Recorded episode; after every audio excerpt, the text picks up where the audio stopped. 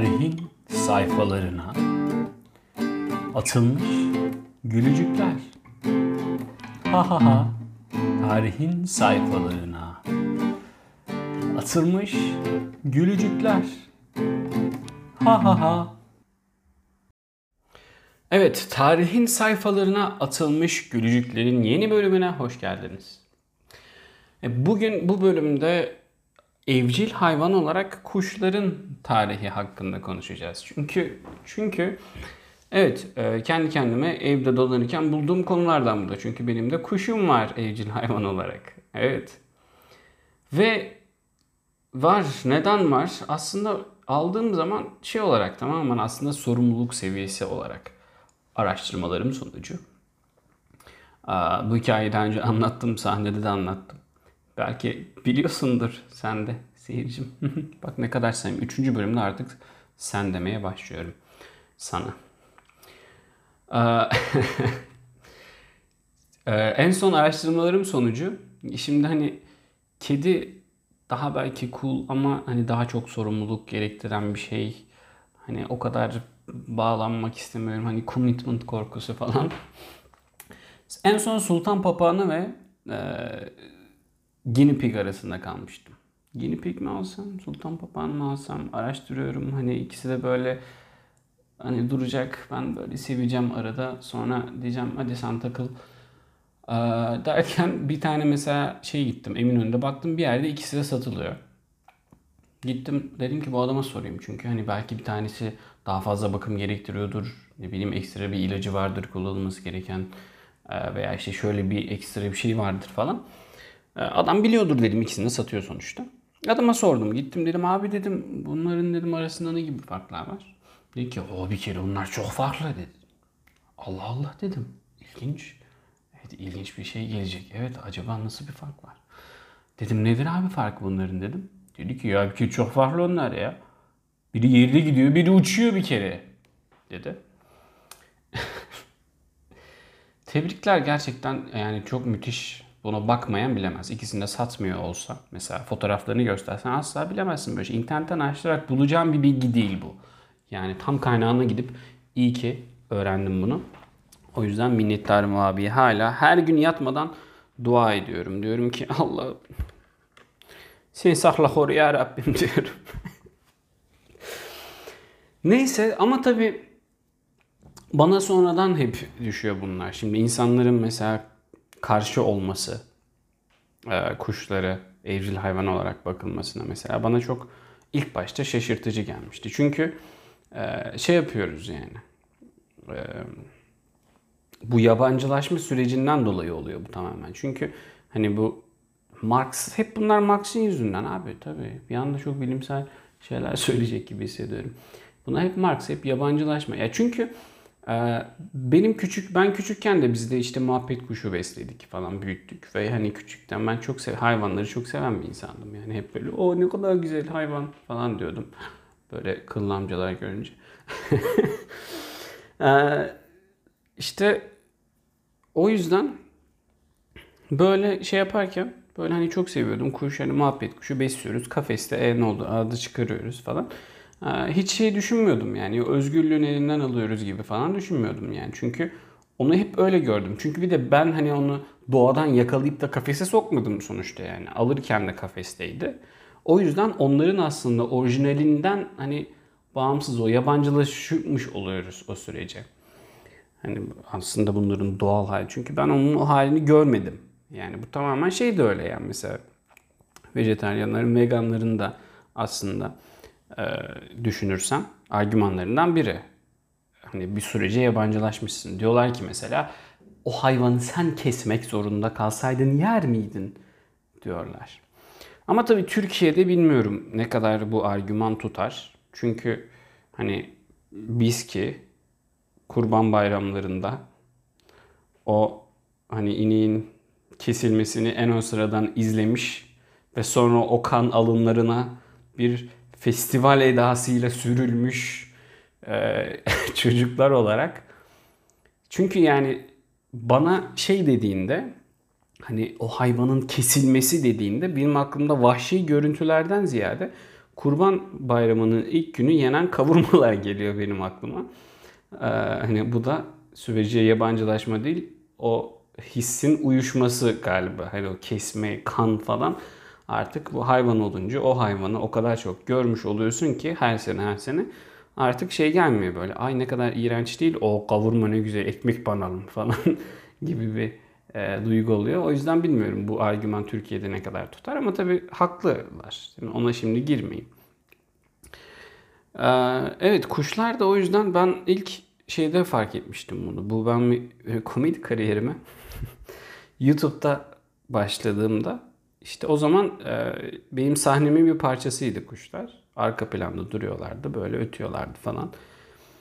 E, ve hani kimseye söylemiyorum o zaman kanalımı. Hani gizli gizli keşfedilmeyi beklerken o zamanlar. Biri görecek, aman tanrım ne kadar komik çocuk bu falan diyecek. İngilizce yaptığım videolarla ve o kadar şu an bak ilk ilk ya mazur görün. Yani ben şu an izleyemiyorum. Yani çok rahatsız edici gerçekten. Aşırı yavaş konuşuyorum falan mesela. Bir arkadaş söylemişti bana feedback olarak onu. Demişti ki hani YouTube'da insanların çok seçeneği var. Daha hızlı ol falan. Arada böyle sessizlikler olmasın falan demişti. Sonra bir ara bir videomu tekrar izlemek durumunda kaldım. Hani tekrar şaka çıkarır mıyım oradan diye.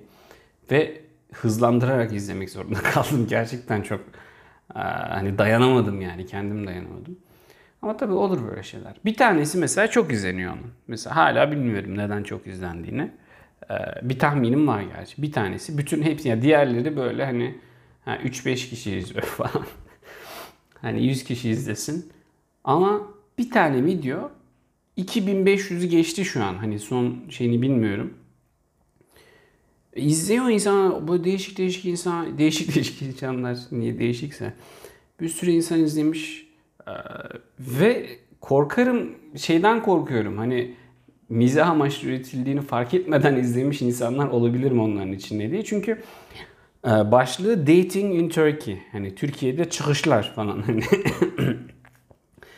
hani bunu Türkiye'ye gelip nasıl işte sevgili yaparız gibi izleyicilerse sıkıntı yani. Çünkü ee, buradan sesleniyorum o izleyen 2500 kişiye eminim ki hiçbiriniz bunu dinlemiyorsunuz şu an. Şaka onlar yani. Lütfen ciddiye almayın. Otobüsteki insanlar falan yürümeyin. Yani bunlar hep e, bunlar şaka hep. Neyse. Hep konudan konuya ne güzel atlıyorum. Allah'tan yazık size de. Dinlemiyorsunuz.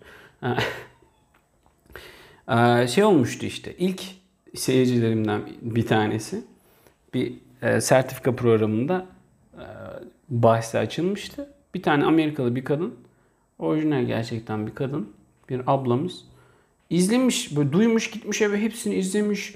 Ertesi gün geldi 20 tane falan video var yani öyle az buzda değil. İzlemiş hepsini. iki günde hepsini bitirdi. Geldi diyor ki aha ne çok komik ne kadar güzel bunlar harika çok güldüm ya. Nasıl güldüm nasıl dalağım ağrıyor falan diyor bana. Tabii bunu çok güzel ifade etti İngilizce bir şekilde. Dalağım ağrıyor dedi. Dedim aa yapma ya o kadar komik. Dedi ki iki tane sana e, şey bir tanesini boş verdi. Sana dedi feedback vereyim mi dedi. Dedim ver. Dedi. Hani şey bekliyorum. Şu şakayı şöyle hani yapılandırırsan daha güzel olur işte punchline'ını şöyle yap falan mı diyecek çok böyle merak ettim. O kadar beğenmiş bir kişinin nasıl bir feedback olacak. Dedi ki ya o kuşlar var ya dedi onlar yazık orada böyle uçmaya çalışıyorlar. Kafes kanatları acıyor onları sal dedi. Ben baktım internetten bunlar yaşıyormuş İstanbul'da parakit yaşıyormuş. Bunları dedi sal onlar doğada yaşasın ya yazık kuşlara dedi. Ben de güldüm tabi. yani gülmemin sebebi şey değil tamam. Anladım orada demek istediğini ama o an benim gerçekten kuşu kuşumu saldığımı hayal ettim. Çünkü benimki biraz mal hani uçma falan konusunda çok becerikli değil. Hani karşı binaya varamadan o ölür. Hani ben salarsam. O yüzden güldüm. Ama sonradan gerçekten düşününce farkındalık oluştu. Biraz geç oluştu. Şu an 3 tane kuşum var. Bir muhabbet kuşu, iki sultan papağanı. Bir tanesi bilinçli sadece bunların. Ee, muhabbet kuşu mesela bir yerden kaçmış. Kendi geldi balkona. Mesela çok ilginç. Onun gelişi bana çok aslında bunun üzerine saatlerce konuşulabilir bence. Ki ben de konuşurum ama yapmayacağım merak etmeyin. Ee, kuş hani kaçmış belli ki kafesinden bir evden kaçmış.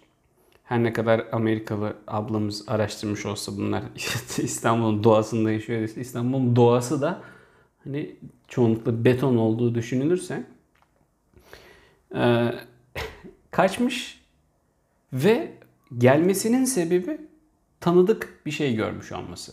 Hani hayatında ona tanıdık gelen bir şeyi görünce o şey gitmiş onunla oynamaya başlamış. Ve o şey de üzücüdür ki bir kafes. Balkonda boş bir muhabbet kuşu kafesi duruyordu. O kuş o kafese gelmiş o kafeste oynuyor. Çünkü tanıdık bir şey onun için hani aşina. Çok üzücü ya of. Ay üzüldüm şu an. Ama gerçekten öyle. Bu süreci tamamen yabancılaşmamızla ilgili. Yani o yüzden beni lütfen yargılamayın. Kuşu var bunun kafese sokmuş kuşu. Kafese sokmuş pislik hayvan demeyin bana. Tamam mı? O yüzden anlattım. Yani 10 dakikadır o yüzden boş yapıyorum. evet. Neyse. Tabii çok eskiymiş bu. Hemen tarihine geçelim. 4000 yıldan fazladır güzellikleri için kafeslere konulmuşlar. Ya yani bu bizim insanoğlunun ne güzel bir özelliği değil mi? Aa bu çok güzel bunu kafese koyalım. Hep bir güzel olsun bizim gözümüz önüne gitmesin bizden. Bu hep böyle kıskançlığın kökü de bu insanlığın şeyindeki böyle benim olacaksın, benim olacaksın duygusu hep. Ee, tabi bundan, bundan önce de tabi insan yerleşkelerinde kuşlar varmış. Ama diyor ki yemek olarak varmış. Evcil hayvan olarak değil. Gerçekten çok büyük bir o bir şey yani. İyi ki yazmışlar bunu. Ee, ben de iyi ki okudum. Yani sonra bir cümle var aynı kaynakta. Bu kaynak niye buradan aldıysam yani. Diyor ki kuşların ilk ne zaman evcilleştirildiği belli değildir. Veya hatta belki de hiç evcilleştirilmemiş de olabilirler. Ha falan diye böyle hani evcilleştirilmemişler. Gerçekten doğru. Kediler de mesela gerçekten evcilleştirilmişler mi? Çünkü kaplanlar da kedi yani böyle. Bunlar mantıklı şeyler yani. Ondan sonra Sümerliler mesela yazıyı bulan adamların yazısında kaynak şey olarak subura kelimesi bu sübüra bu hamurlu bir Sivas yöresine ait İç Anadolu yöresinden bir yemektir sübüra. Onu onlar tabi e, kuş kafesi kelimesi olarak kullanmışlar. Kuş kafesi. Ya yazıyı bulmuşsun. Direkt kafes yazma hemen kafes yazma ya. Git bir özgürlük yaz. La liberté falan yaz bir şeyler yaz. Sümerliler gitmişler. Kafes kelimesini yazmışlar yani. Ondan sonra mesela 5. yüzyılda milattan önce 5. yüzyıl bak nerelere gidiyoruz? Nerelere gidiyoruz? Milattan önceler. İsa'dan bile öncesi yani. Bir yazmış ki ya demiş bu diyor kuşlar diyor. Şeyde İran'da diyor Persiya'da diyor yetiştirilmiş kuş Yunanca konuşuyor ya demiş. Yunanca konuşuyor ya. İlginç ne kadar ilginç demiş. Yani Yunanca konu. Yunan, Yunanistan'a götürüyorum. Tam bu kuşu alıyorum İran'dan Yunanistan'a götürüyorum Yunanca konuşuyor. Yani bu şey gibi dilimizi öğreneceksin. işimizi çalıyorsun dilimizi öğreneceksin. Muamelesi yapmış gibi kuşa yani. Yani sonra işte yine milattan önce 327 yılında şey vermişler. Gitmiş Büyük İskender diyor kuş vermişler, parakit vermişler adama birkaç tane. Sonra Yunanistan'a dönerken demişler ki al bu kuşları kafese koy bunları da götür abisi demişler. Sonra bunlardan birkaç tanesini hayatta tutmayı başarmış. Ya bu nasıl bir sorumsuzluktur ya. Birkaç tanesini hayatta tutmayı başarmış diyor bir de. Lan su vereceksin, yem vereceksin ya. Kuş bu ya. Neden öldürüyorsun ki kuşları ya? Ayıp gerçekten. Buna sinirlendim mesela bunu okuduğumda. Sonra şey meşhur. Bunu belki biliyorsunuzdur bu hikayeyi. Denizciler de böyle meşhur denizciler böyle antik denizciler de kuşları kullanıyorlarmış. Bak ötüyor benimki de içeride. Allah sinir bozucu ötüyor. Neyse. Nasıl kullanmışlar? Çok mantıklı bir şekilde kullanmışlar. İlk kimin aklına geldi merak ediyorum. Kuşların e, saflığına olan inançlarından dolayı bence bu. Şimdi kara ararken kara göründüğünden daha uzaktaysa kara kuşu alıyorlar. Uzun böyle okyanuslar geçecekleri zaman. Kara aradıkları zaman kuşu salı veriyorlar. Diyorlar bakalım nereye uçacak bu kuş diyorlar. Kuş uçuyor çünkü. Şimdi kuşa demek ki bir kere ben buradan şunu anlıyorum. Kötü davranıyor. Çok iyi davranmıyorlar yani. Şeyde, gemide. Çünkü mantık şu. Kuş uçacak. Karayı görürse eğer karaya doğru uçuyor. Bunlar da diyor ki aha bak o tarafa doğru uçtu demek ki kara gördü. Biz de o tarafa doğru uçalım, uçalım diyorlar. Uç, bas, şey, kurak, murak, yelken, haydi falan diyorlar. Ama geri gelirse eğer kara bulamazsa uçacak, uçacak, geri gelecek yorulunca. O zaman diyorlar ki he, henüz karaya yakın değiliz diyorlar. Şimdi ilginç. Öncelikle güvercinler demek ki bu kuşlardan değil. Çünkü güvercinleri de bakıyorsun haberleşme için kullanmışlar. Yani salıyorsun her yeri kara, her yere konabilir ama gidiyor yine kafesine konuyor. İşte güvercinin sedakati bu. Belki de böyle düşünülebilir. Veya işte mesela kuşların saflığını bence düşünüyorsun. Burada çünkü ben kuş olsam şerefsizlik yapardım yani. Hani şey olabilir. Kötü, çok kötü. Ben ölürüm de o gemiye dönmem falan. Bir tane nasıl ayak yorulunca dönüyor mesela. Ben yüzerken bile kestiremiyorum bazen ne zaman yorulacağım. Kuşta ben o kuş olsam çünkü veya işte benim kuşu düşünüyorum. Biraz mal kendisi. Uçma konusunda çok becerikli değil. Uçtuk hadi uçuyor. Konma konusunda hiç becerikli değil. Yani ıskalıyor, gidiyor, perdeye yapışıyor falan. Hani onu götürsen, salsan kara görse de görmese de orada yorulur, düşer suya, ölür yani. Hani böyle kara aa Kara bulamayınca mesela bu tarafa doğru uçtu uçtu. Aa burada kara yokmuş döneyim. Aa çok yoruldum bari dur yüzeyim diye gider yani. Veya hani şöyle ben hani şey fizik yapardım. Hani ben mesela uçtum. Karayı gördüm. Direkt karaya doğru gitmezdim. Tamam mı? Ha, öbür taraf ters yöne doğru giderdim. Ondan sonra genişten alır. Bunlar beni görmeyecek şekilde genişten alır. Böyle hop öbür tarafa karaya giderdim. Bunlar da dedi ki bu tarafa gitti. Kara bu taraftaymış derlerdi. diye eğlenirdim ben de. Evet. Ya sonradan da şey yapardım mesela. Onlar karayı bulamayınca gider uç, tepelerinde uçardım. Vaa diye gülerdim. Mesela martıların acaba gülmesi burada mı? falan diye böyle kahkaha atıyorlar ya. Ben pek yapam. Ben daha çok boğulmakta olan aşırı sigara içmiş bir amca e, şeyi yapabildim. İzlenimi ama hani o martının sesini hayal edince acaba buradan mı geliyor? Böyle gülüyorlar. Ha ha kara yok ki, kara yok ki, ha ha falan diye. Olabilir, olabilir.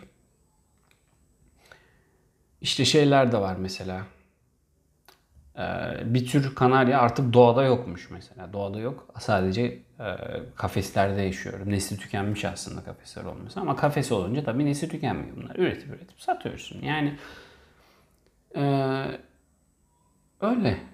Yani bunun da bilmiyorum. Mesela pandalarda evcil hayvan olsa mesela nesli tükenmez olmazdı yani. Şu anda düşünürsen doğada panda yok hepsi hayvanat bahçelerinde. Yazık. Yazık. Bırakmıyorlar ki hayvanın nesli tükensin yani. Hayvan tükenmiş belli ki. Ya yoksa sevişmek istemeyen hayvan mı olur yani? Pandaları biliyorsunuz. Özellikle bunları panda pornosu izletiyorlar. Diyorlar ki hadi ne olur hadi çocuk yapın diyorlar. Onlar diyor ki hayır ben kariyer yapacağım diyor pandalarda yani. Böyle bir hayvan inatla diyoruz ki hayır nesli tükenmesin yazık yazık o hayvanlara diyoruz. Neden? Çünkü tatlı bir hayvan. Yani Böcek olsa kimse uğraşmaz yok sevişsin yok çocuk yapsın falan kimse bırak ya üstünler hatta terlikle vurur yani. Deliği alır kovalar böcek olsa yani. Panda ne kadar tatlı. Ya hayvanları izliyorsun videolarını. Yok işte bakan adamın pantolonu çekiyor, indiriyor, çok test dönüyor, düşüyor. Ya bambu yiyor, onu beceremiyor, yok ayakta duramıyor falan. Bu hayvan doğada zaten ne yapsın yani bu hayvan? Nasıl bu zamana kadar iyi gelmiş? Yani ben panda videolarını izleyince onu düşünüyorum. Diyorum ki nesli vallahi helal olsun. Bugüne kadar tükenmemiş diyorum yani. Ondan sonra cima. İşte mesela büyük yeşil papağan Türkçesi. İngilizcesi Alexandrin Parakit. Neden? Çünkü Büyük İskender'den geliyor ismi. Bak şimdi. Adam hem İskender'e ismini vermiş, tereyağlı İskender'e hem kuşa. İnşallah bu iki şey hiç bir araya gelmemiştir tarihte. Yani çünkü tavuk İskender'i güzel olmuyor. Burada galiba bunu demeye çalıştım.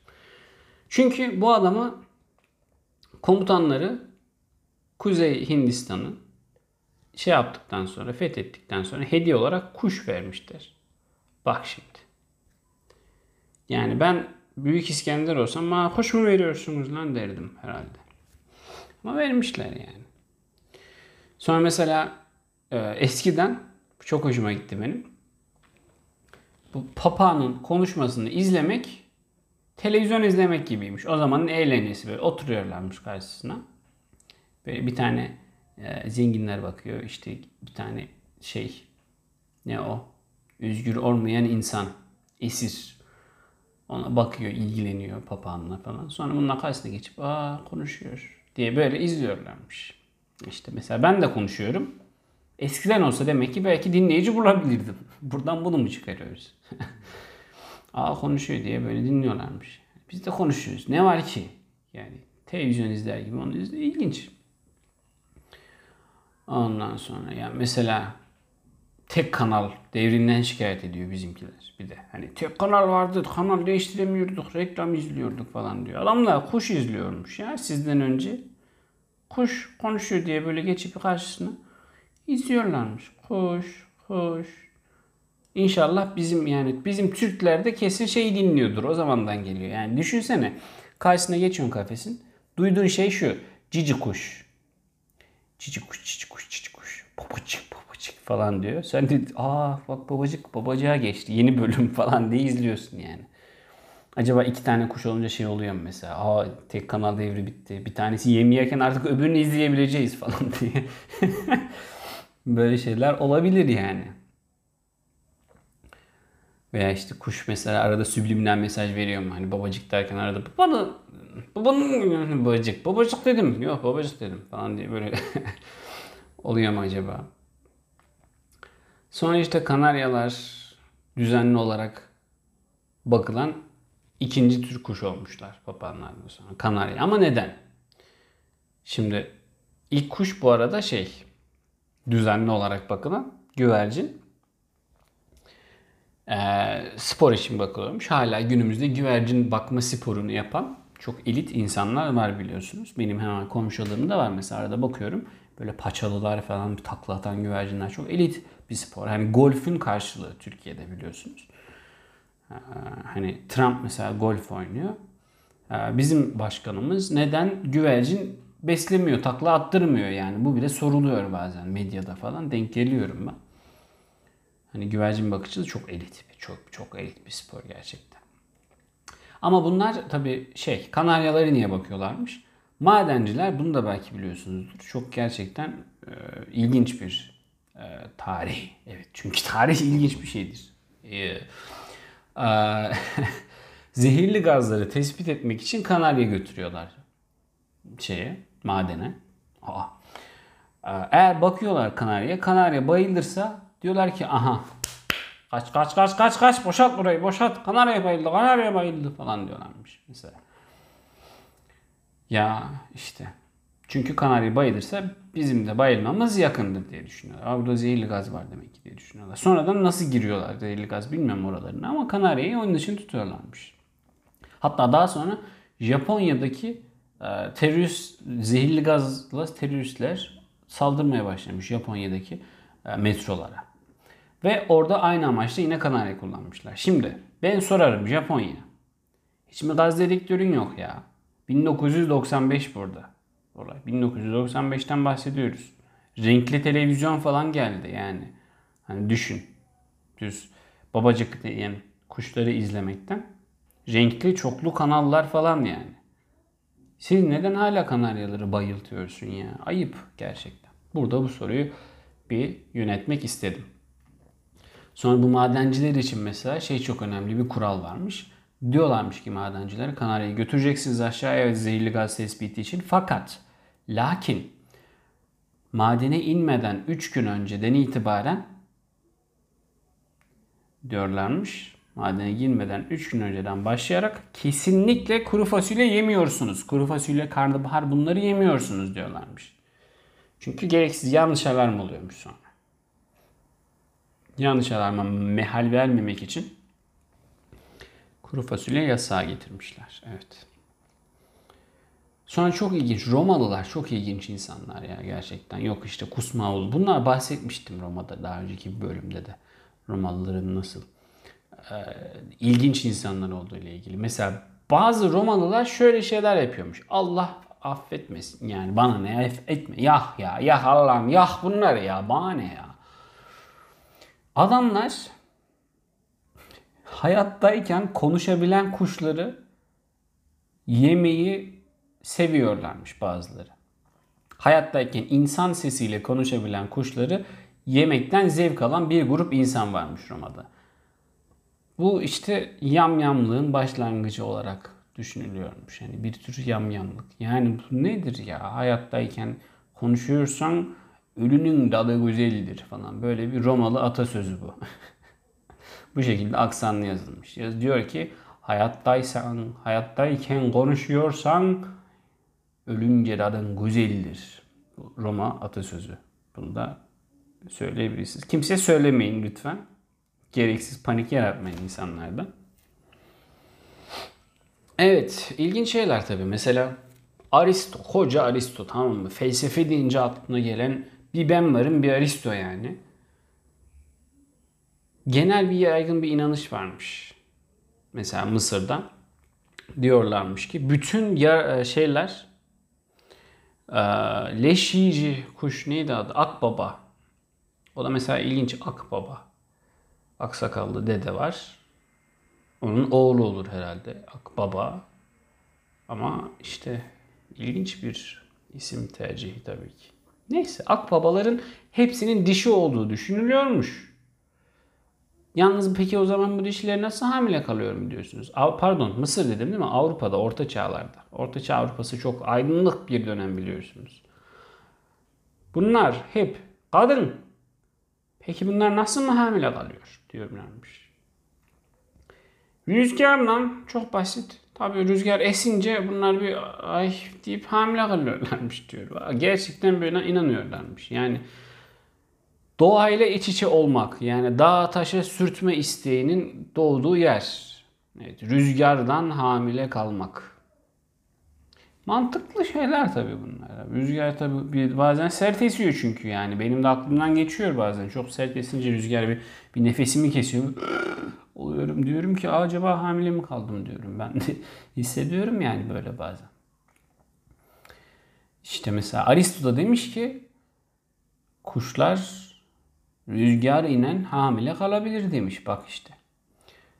Demiş ki bir tane keklik kuşu mesela dişi keklik kuşu eğer erkek eklik kuşunun altından doğru uçarsa sonra üste geçen de onun üstüne doğru bir üfürürse böyle onun rüzgarı gelirse aha hamile kalır. Bu nasıl bir bahane gibi ya bu. Hani havuza girdim hamile kaldım demek gibi bir şey değil mi? Ya rüzgar esti nasıl esiyor biliyor musun? Adamın oradan esiyordu. Adamın bir baktım aa göbeğim çıkmış falan gibi bir şey yani. İlginç. İlginç tabi. Hamile kalan keklikler. Ondan sonra mesela şey olmuş. Kanarya adaları var biliyorsunuz. Kanarya'da meşhur ilk kafeslenen kuşlardan olduğu için. Portekiz'de Kanarya beslemek çok meşhur bir hale gelmiş. Bu şeyden bahsediyoruz. 1491 ile 1521 arası. Kanarya beslemek çok böyle moda. Herkes kanarya besliyormuş. Ondan sonra hatta o zamanki kadınların portrelerinde, tarihi portrelerinde hep bir parmağında böyle böyle zarifçe uzatmış parmağında durmuş bir kanarya resmedilirmiş. Ama şimdi çok tabi çok satılınca bir anda şey oluyor böyle. Tüccarları da bu işin iyi para kazanıyor. Diyorlar ki biz bu para kazanmaya devam etmeliyiz. Şimdi bunlara satarız. Bunlar kendi üretmeye başlarsa ne olacak ya diyorlarmış. Ondan sonra demişler ki biz ne yapalım biliyor musun? Sadece erkekleri satalım demişler ve sadece erkekleri satmaya çalışmışlar. Ama tabii Kanarya'nın cinsiyetini böyle dışarıdan belirlemek çok zor olduğu için arada kaçmış. Tabii keşke civcivlerin de zor olsa diye düşündürttü bana bu bilgi. Çünkü hatırlıyorum bu bana pazarda satılan civcivleri hatırlattı. Evet o pisliği de yaptım tamam. Bana şey yapmayın ben yabancılaşma diyorum size ya. Yabancılaşma ben ne bileyim o civcivlerin bir de civcivler nereye doğada doğaya mı salacaksın? Yani ben bakmasam neyse oraya girmeyeyim. Başkası bakacaktı ya. Çiftlik daha mı iyi yani bizim balkondan? Değil mi? Gezen tavuk ama balkonda gezen tavuk. evet. Ee, sonra ama neyse ben şey yapıyordum. Civcivken bakıyordum. Büyüyünce dedemin çiftliğine gönderiyordum. Onlar da sonra kesip geri gönderiyordu bize. Yani yine bir yabancılaşma süreci bakınız. Yani benim vegan olmamın önüne geçmiş hayat resmen bugüne kadar. Yani demek ki beni bıraksalar doğaya ben vegan olacakmışım. Ama yok işte bak ineği kestik kanını senin alnına sürelim. Yok efendim civcivi sen büyüt biz onu keser göndeririz falan. Hep yabancılaşmışım yani. Sonra da et yiyici bir insana dönüşmüşüm. İşte ne olmuş? Ee, ne oluyordu? Hep horoz olur onlar da hep erkek olur. Yani düşününce yazık. Eğer doğ, doğum oranlarını incelemek istiyorum ve asla incelemeyeceğim. Çünkü kim onu yazacak Google'a şimdi. hani bir yumurtadan erkek civcivi dişi civciv çıkma olasılığı %50 ise eğer yazık erkeklere. Yani çünkü düşününce doğal olarak da zaten hani doğal seçilimde de bu erkeklerin birçoğu yeniyordu büyük ihtimalle. Çünkü kümes mantığında hani bir tane erkek oh hani harem olarak işlediği için e, tavukların e, seks hayatı o yüzden hani yazık yani %50 çıkıyorsa bunlar da direkt hop bize hep hep horozdu yani. Tavuk olsa da yumurtlasa diye bekliyorduk ama hayır, hayır yumurtaları satın alacaksınız diyorlardı bize. Neyse bu adamlar da işte benzer bir kafayla demişler ki o biz bunlara sadece erkek verelim bunlar dişi bunlar dişi ya ne yapar falan demişler. Demişler ki kız başına ne işin var senin Portekiz'de Kanarya Adası'nda kalacaksın demişler dişi kuşlara. İşte böyle cinsi insanlarmış bunlar da. E, fakat işte ne olmuş? Arada kaçmış çünkü zormuş tespit etmek. Bu da bana şey hatırlattı. Yani bunlar da şanslı erkekler yani düşününce. Yani düşün, düşünsene düşüyorsun kafese hepsi kadın. Oh ya ben de horozum ben de horoz olacağım falan diyorsun.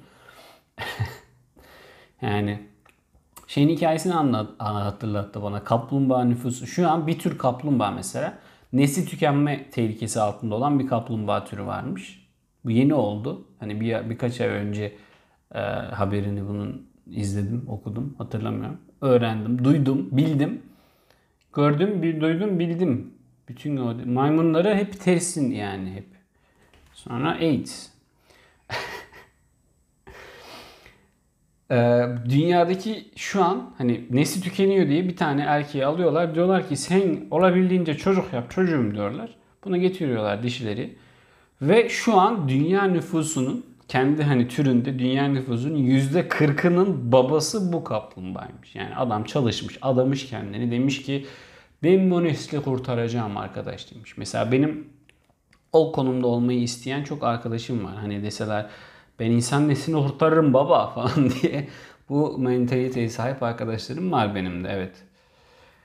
Evet. Ondan sonra cima. Evet ilginç şeyler de olmuş. Yani mesela kadın dişiler, kadınlar o kadar değerliymiş ki dişi kanaryalar. Bir yere bir haber gelmiş. Demişler ki bu kanarya taşıyan bir İspanyol gemisi kaza yaptığı bir adanın açıklarında demişler. Millet Allah Allah o dişi kuş buluruz da orada diye gitmişler. Bu da mesela e, klablara girip damsız girip damla çıkmaya çalışan insanları andırıyor böyle. Dişi kuş buluruz kanka hadi gidelim deyip bu adaya gitmişler. Evet. Böyle şeyler oluyor yani arkadaşlar. Oluyor böyle şeyler. Arkadaşlar. Ondan sonra işte bak mesela Magellan öldükten sonra yerini alan Sebastian Delcano'ya Filipinler'deki bir sultan bir tane kuş hediye ediyor tamam mı? Cennet kuşu hediye ediyor. Ve bu adam İspanya'ya bu kuşu getiriyor. Büyük bir sansasyon yaratıyor. Çünkü kuş çok renkli falan. Ama burada dikkatinizi çekmek istediğim şey. Adama bir tane kuş veriyorlar. O kuşu sağ salim Portekiz'e götürüyor.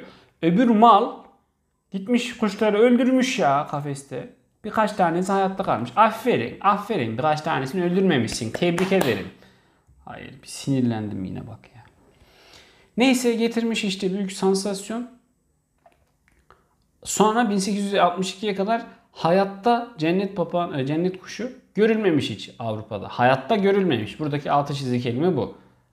Neden? Çünkü o kadar şey olmuş ki 1862'de bir tane adam Alfred Russel Wallace diye bir abimiz bir çift Londra hayvanat bahçesine götürmüş. Bak hayvanat bahçesindeki kuşu nereden buluyor? Hayvanat bahçesinde görünen şeyler düşününce hani fil ben mesela sorumluluk e, şey yaparken hani hangi hayvanı alsam diye düşünürken bu da gel düşündüm. Yani şimdi hani kedi alsam yok işte kumunu değiştireceğim ekstra hani yok aşısı mışısı var. Köpek alsam tamam aşısı var kumu var falan ama buna ekstra bir de hani tuvalet için dışarı çıkarmam gerekiyor günde iki defa. İşte kaplan alsam şimdi et etin kilosu çok pahalı. Onu nasıl şey yapacağım? Şimdi fil alsam bahçen olması lazım. Değil mi? Şimdi bahçesiz olunca fil çok daralıyor çünkü yani. Sonra fareyle kovalamak gerekiyor falan. Hani balina alsam şimdi okyanusun olması lazım. Hadi okyanusun olduğu şimdi plankton nereden bulacaksın o kadar? Planktonun kilosu olmuş bilmem kaç lira falan. O yüzden hani hayvan bahçesinde yaşayan hayvanlar buradan müthiş bir bağlantıyla geçiyorum. Hani demek ki sokakta görmediğin hayvanlar değil mi yani? Ama bunlar ne kadar parlak renkleri var. Bunu hemen şapkamıza takmalıyız. Şapkamıza takalım bu renkleri demişler. Yani gerçekten o kadar meşhur olmuş ki bu kuşların tüylerini şapkaya takmak ya gerçekten parlak bunu alalım bunu istiyorum bunu burnuma sokacağım burun parlak bir şey buldum. Bu gerçek insan kafası çok güzel ya. Ya o kadar meşhur olmuş ki hayvanın nesli tükeniyormuş neredeyse. evet bu parlak bunu burama takayım bunu şurama sokayım parlak ama parlak diye yani gerçekten yazık günah ya. Ama sonra Allah'tan moda değişmiş de yani neredeyse nesilleri tükeniyormuş moda değişmiş tükenmemiş. İşte.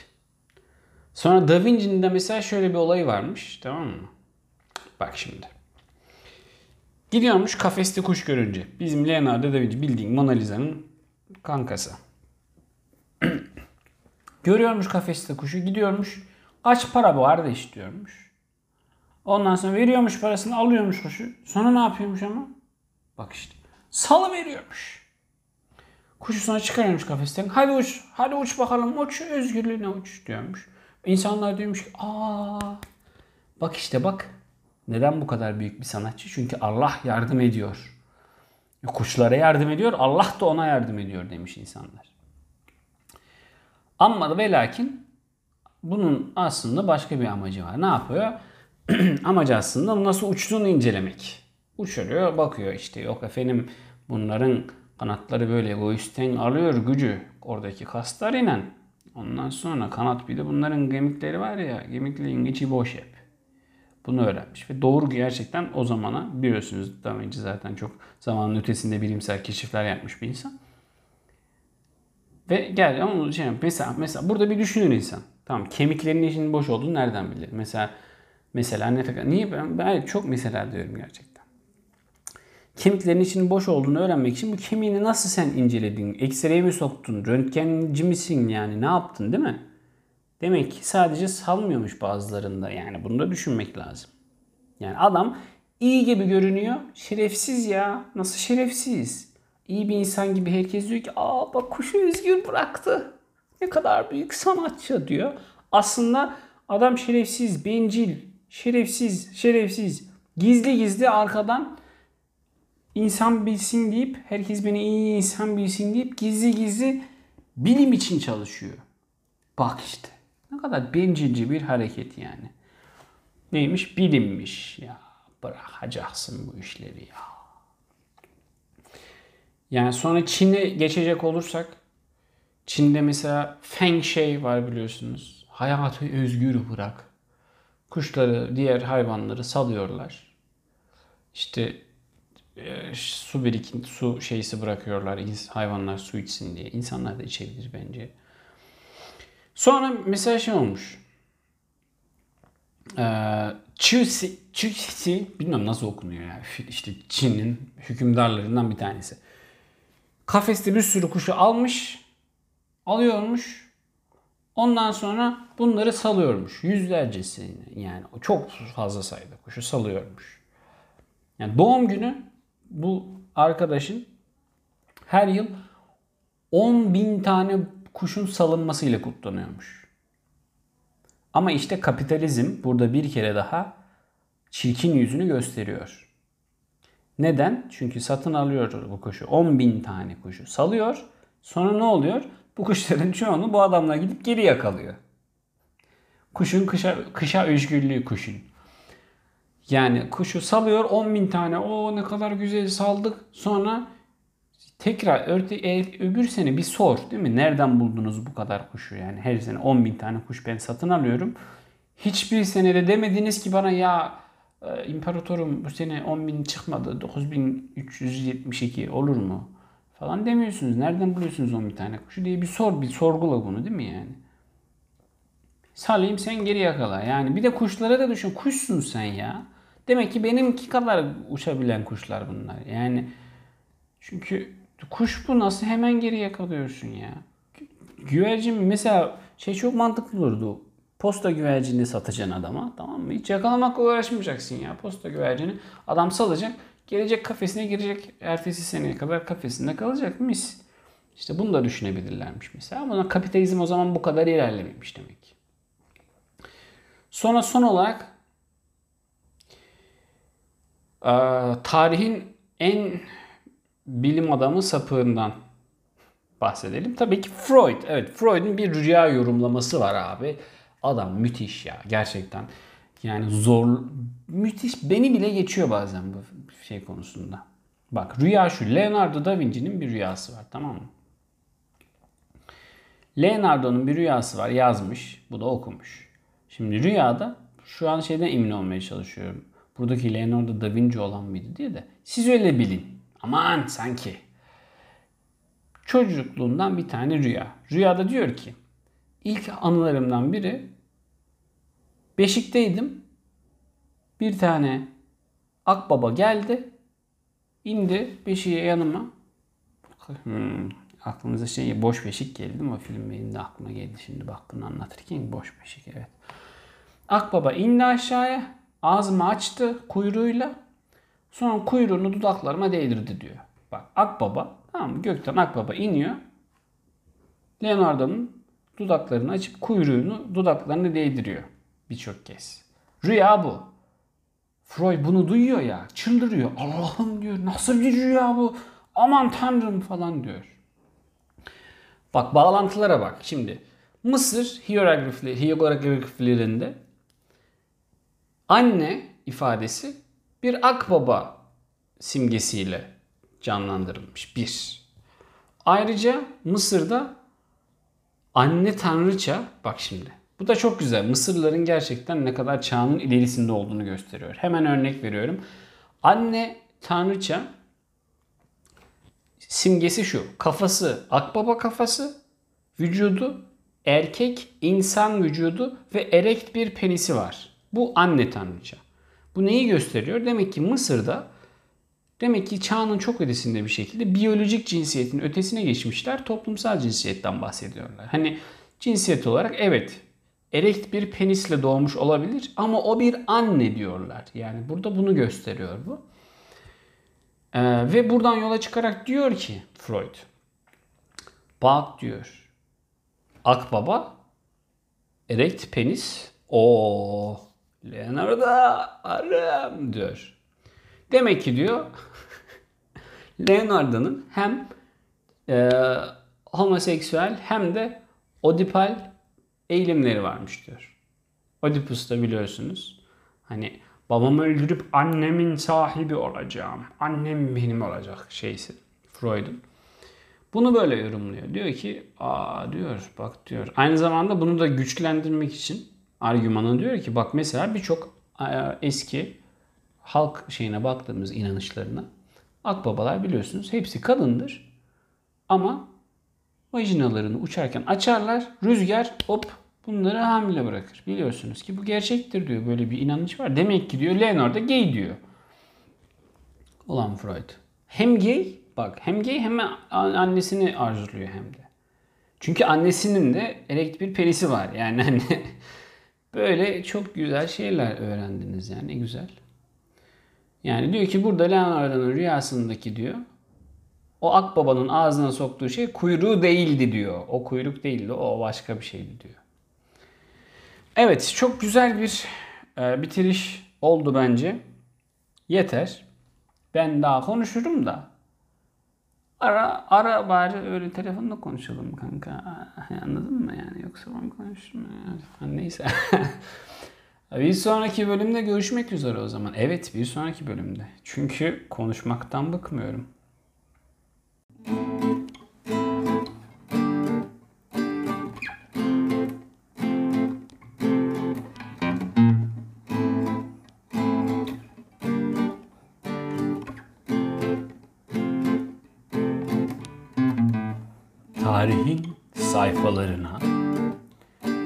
atılmış gülücükler. Ha ha ha. Tarihin sayfalarına atılmış gülücükler. Ha ha ha.